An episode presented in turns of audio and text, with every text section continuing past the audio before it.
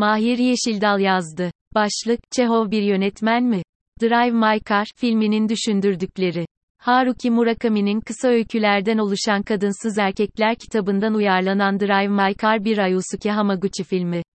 Kitabı okumuş olanlarınız eserdeki öykülerin ortak noktasının sevdiği kadınları bir şekilde kaybeden ve bunun özlemini ve acısını çeken erkekler olduğunu anımsayacaklardır. Kanda en iyi senaryo ödülünü alan filmdeki Bay Kafuku, eşi Oto'yu bir beyin kanaması sonucu kaybediyor ve akabinde Anton Çehov'un Vanya'dayı oyununu yönetmek üzere Hiroşima'ya doğru yola çıkıyor. Hiroşima'da ise kendisine bir şoför tahsis ediliyor ve Bay Kafuku'ya adeta seçme hakkı verilmiyor.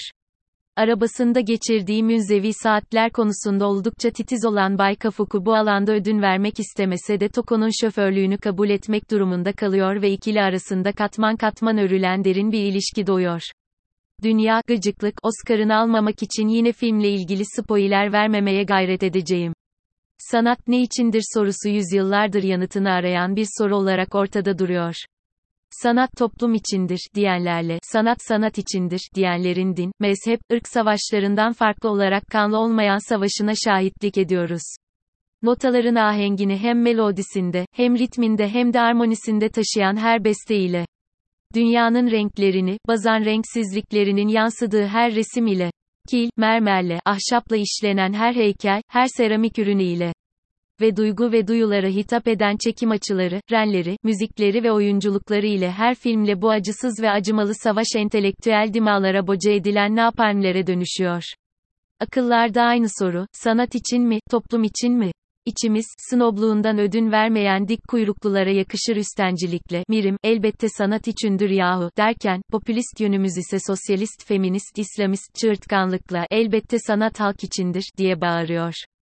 Benim açımdan ise sanat insanı tanımak içindir.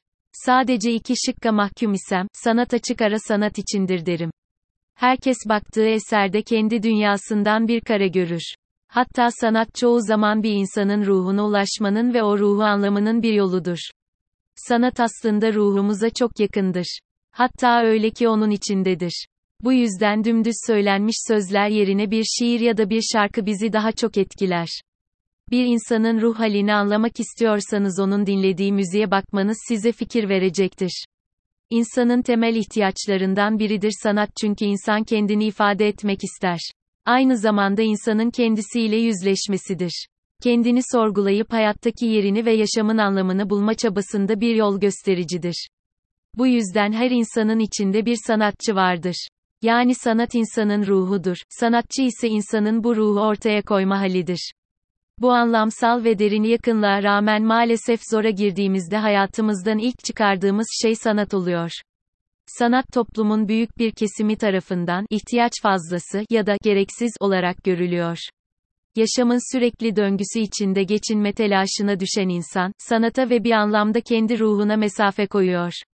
Belki de bu sebeple duygusuzlaşıyoruz ve çevremizdeki olaylara kayıtsız kalıyoruz.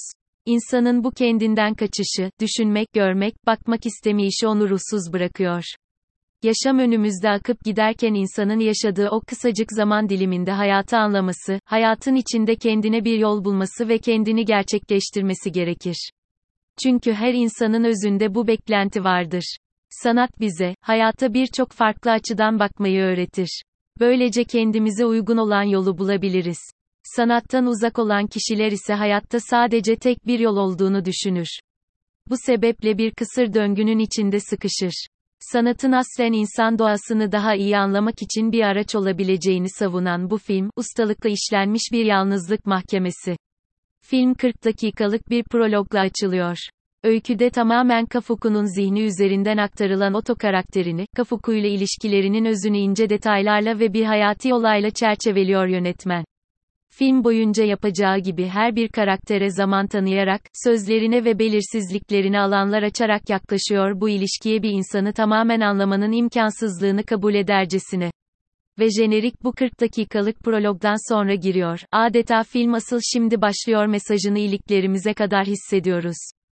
Nokta. Murakami'nin işaret ettiği, Hamaguchi'nin ise damarlarına girdiği Çehov metni, Vanya'dayı, temelde geçmişlerindeki azapları bugünün pişmanlıklarına devşiren karakterler etrafında kuruludur. Tüm karakterler kendisi üzerine düşünür ve durmadan hayıflanır. Memnuniyetsizlerdir. Yine Murakami'nin sözleriyle, çaresizliğin öyküsüdür bu. Hamaguchi'nin filmin her noktasına fiziksel olarak yansıttığı bu metnin parçaları kaybın, çaresizliğin ve bununla hemhal olmanın gerçeğini filmin dünyasında diri tutuyor. Öte yandan daima kendine bakan, kendini anlatan, kendini düşünen karakterler izletiyor bizi anlatıcı aynı Çehov gibi. Aklı kaybettiği eşine dair sorularla dolu olan Kafuku, cevabı Çehov'un metninde, kendine bakmakta ve etrafındakileri anlamakta buluyor zaman içerisinde ya da tüm bunları denemekte. Murakamizmin olmazsa olmazlarındandır müzik, filmin müzikleri çok güçlü değil ama adının The Beatles'ın Drive My Car şarkısından gelmesine şaşırmadık. Eşini başka bir adamla birlikte olurken izliyor Bay Kafuku ve sanki bu hayat üzerinde hiçbir etkisi veya söz hakkı yokmuş gibi sessizce kapıyı çekip çıkıyor, eve gelip bu sahneyle karşılaştığı belli olmasın diye. Bay Kafuku'nun pasifize olmuş karakteri burada özellikle göze batıyor zira izlemek tıpkı biz seyircilerin de yaptığı gibi pasif bir eylem. Bay Kafuku hayatında pasif bir rol oynayarak kontrol altında tuttuğunu sandığı her şeyin dizginlerini, arabasını kullanması için bir şoför geldiğinde direksiyonu zorla da ona teslim etmeyi başararak salıvermeyi öğrenmiştir. Kontrolünü kaybetmenin çok da kötü bir şey olmadığını öğrenen Bay Kafuku yaşadığı katarsis sonrasında hayattaki en önemli şeyin önüne bakabilmek olduğunu anlamıştır. Filmin en önemli ve elbette popülist sorusu da burada devreye giriyor. Eşinizin, sevgilinizin sizi aldattığını görürseniz ne yaparsınız?